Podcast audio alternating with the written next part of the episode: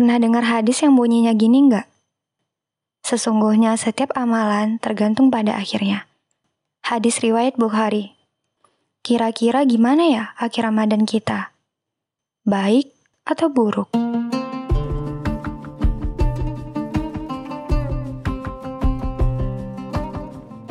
Assalamualaikum.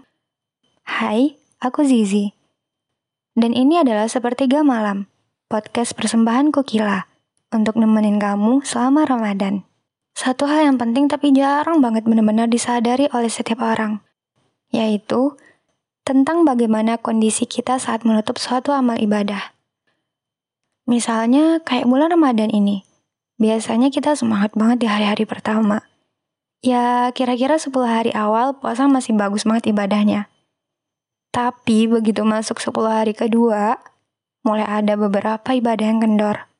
Sampai akhirnya di 10 hari terakhir, nggak sedikit orang yang betul-betul hilang.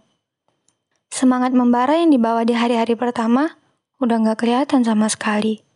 Padahal, kalau kita balik lagi ke hadis awal, ternyata suatu amalan itu tergantung dari bagaimana kita mengakhirinya. Jadi, di hari-hari terakhir ini adalah hari-hari penentuan buat kita. Apakah kita bakal berhasil menuntaskan Ramadan dengan baik? Untuk memastikan kita mengoptimalkan hari-hari terakhir di bulan Ramadan, ada beberapa ibadah yang bisa kita perbanyak. Apa aja sih? Oke, yang pertama adalah membaca Quran. Quran adalah petunjuk hidup kita dan membacanya di bulan Ramadan merupakan ibadah yang sangat dianjurkan. Kita bisa membacanya di waktu-waktu luang, atau bahkan bisa membuat jadwal membaca Quran setiap hari biar enggak terlewatkan.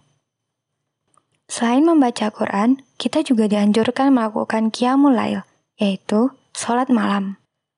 Sholat malam ini biasanya dilakukan setelah sholat tarawih, atau dini hari setelah kita tidur. Kita bisa melakukannya di rumah atau di masjid. Qiyamul Lail merupakan ibadah yang sangat baik untuk meningkatkan iman kita dan memperkuat hubungan kita dengan Allah Subhanahu wa taala. Selain itu, kita juga bisa memperbanyak zikir. Zikir adalah ibadah yang sangat mudah dan bermanfaat untuk dilakukan di hari-hari terakhir di bulan Ramadan. Kita bisa melakukan zikir di setiap kesempatan yang ada, misalnya saat bekerja, saat berkendara, atau bahkan saat beristirahat. Zikir ini bisa membuat hati kita lebih tenang dan memberikan kedamaian dalam hidup kita. Terakhir, ibadah yang sangat dianjurkan di bulan Ramadan adalah sedekah. Kita bisa memberikan sedekah dalam bentuk apa pun yang kita mampu, seperti memberi makanan kepada orang yang membutuhkan, memberikan bantuan kepada yatim piatu, atau bahkan membantu orang yang sedang terkena musibah. Sedekah nggak cuma memberikan manfaat bagi orang yang menerimanya, tetapi juga memberikan kebahagiaan dalam hati kita.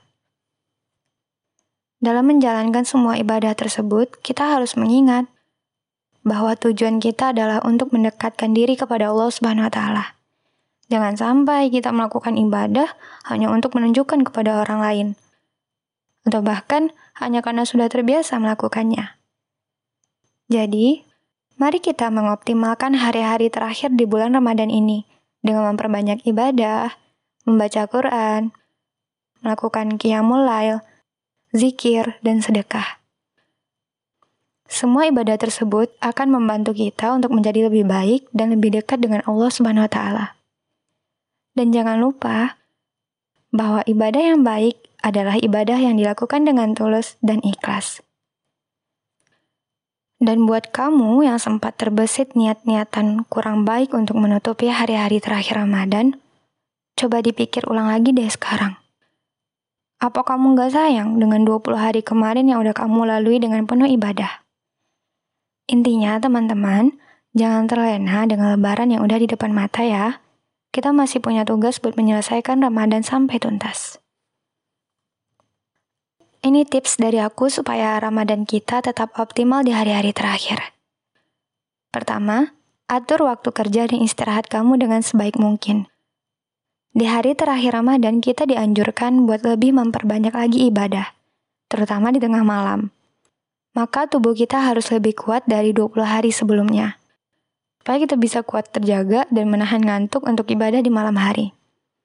Jangan lupa juga untuk mengkonsumsi vitamin, makan buah-buahan, dan sahur serta berbuka puasa dengan makanan yang menyehatkan. Karena sayang banget kan kalau kita sakit sampai di hari-hari terakhir ini. Makanya, jaga kesehatan ya. Kedua, ubah mindset kita bahwa bisa jadi Ramadan kali ini adalah Ramadan terakhir untuk kita. Gak ada yang bisa jamin bahwa kita masih akan hidup sampai Ramadan tahun depan. Jadi jangan berpikir bahwa kita bisa memperbaiki ibadah-ibadah yang belum sempurna di Ramadan ini pada Ramadan tahun depan. Eh, sayangnya belum tentu. Memang kita pasti berdoa yang baik-baik untuk diri kita sendiri.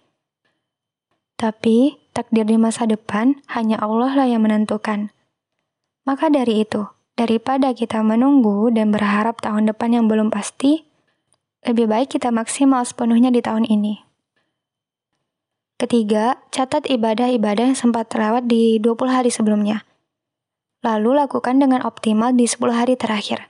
Misalnya, kalau selama 20 hari pertama kemarin kamu jarang banget baca Quran, maka perbanyaklah baca Quran lebih dari siapa pun pada 10 hari terakhir ini.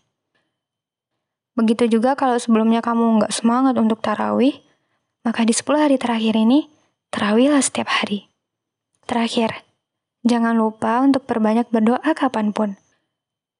Terutama meminta ampunan dosa. Karena hal yang membuat kita merasa berat untuk beribadah dengan kusyuk, tidak lain adalah dosa-dosa kita sendiri. Semakin ringan beban dosa kita, maka insya Allah semakin ringan juga tubuh kita untuk melakukan ibadah-ibadah. Pokoknya, jangan kasih kendor. Semangat ya menghidupkan malam-malam terakhir di bulan Ramadan. Podcast Sepertiga Malam mengudara setiap hari selama Ramadan. Follow dan nyalain notifikasi biar nggak ketinggalan episode selanjutnya. Assalamualaikum.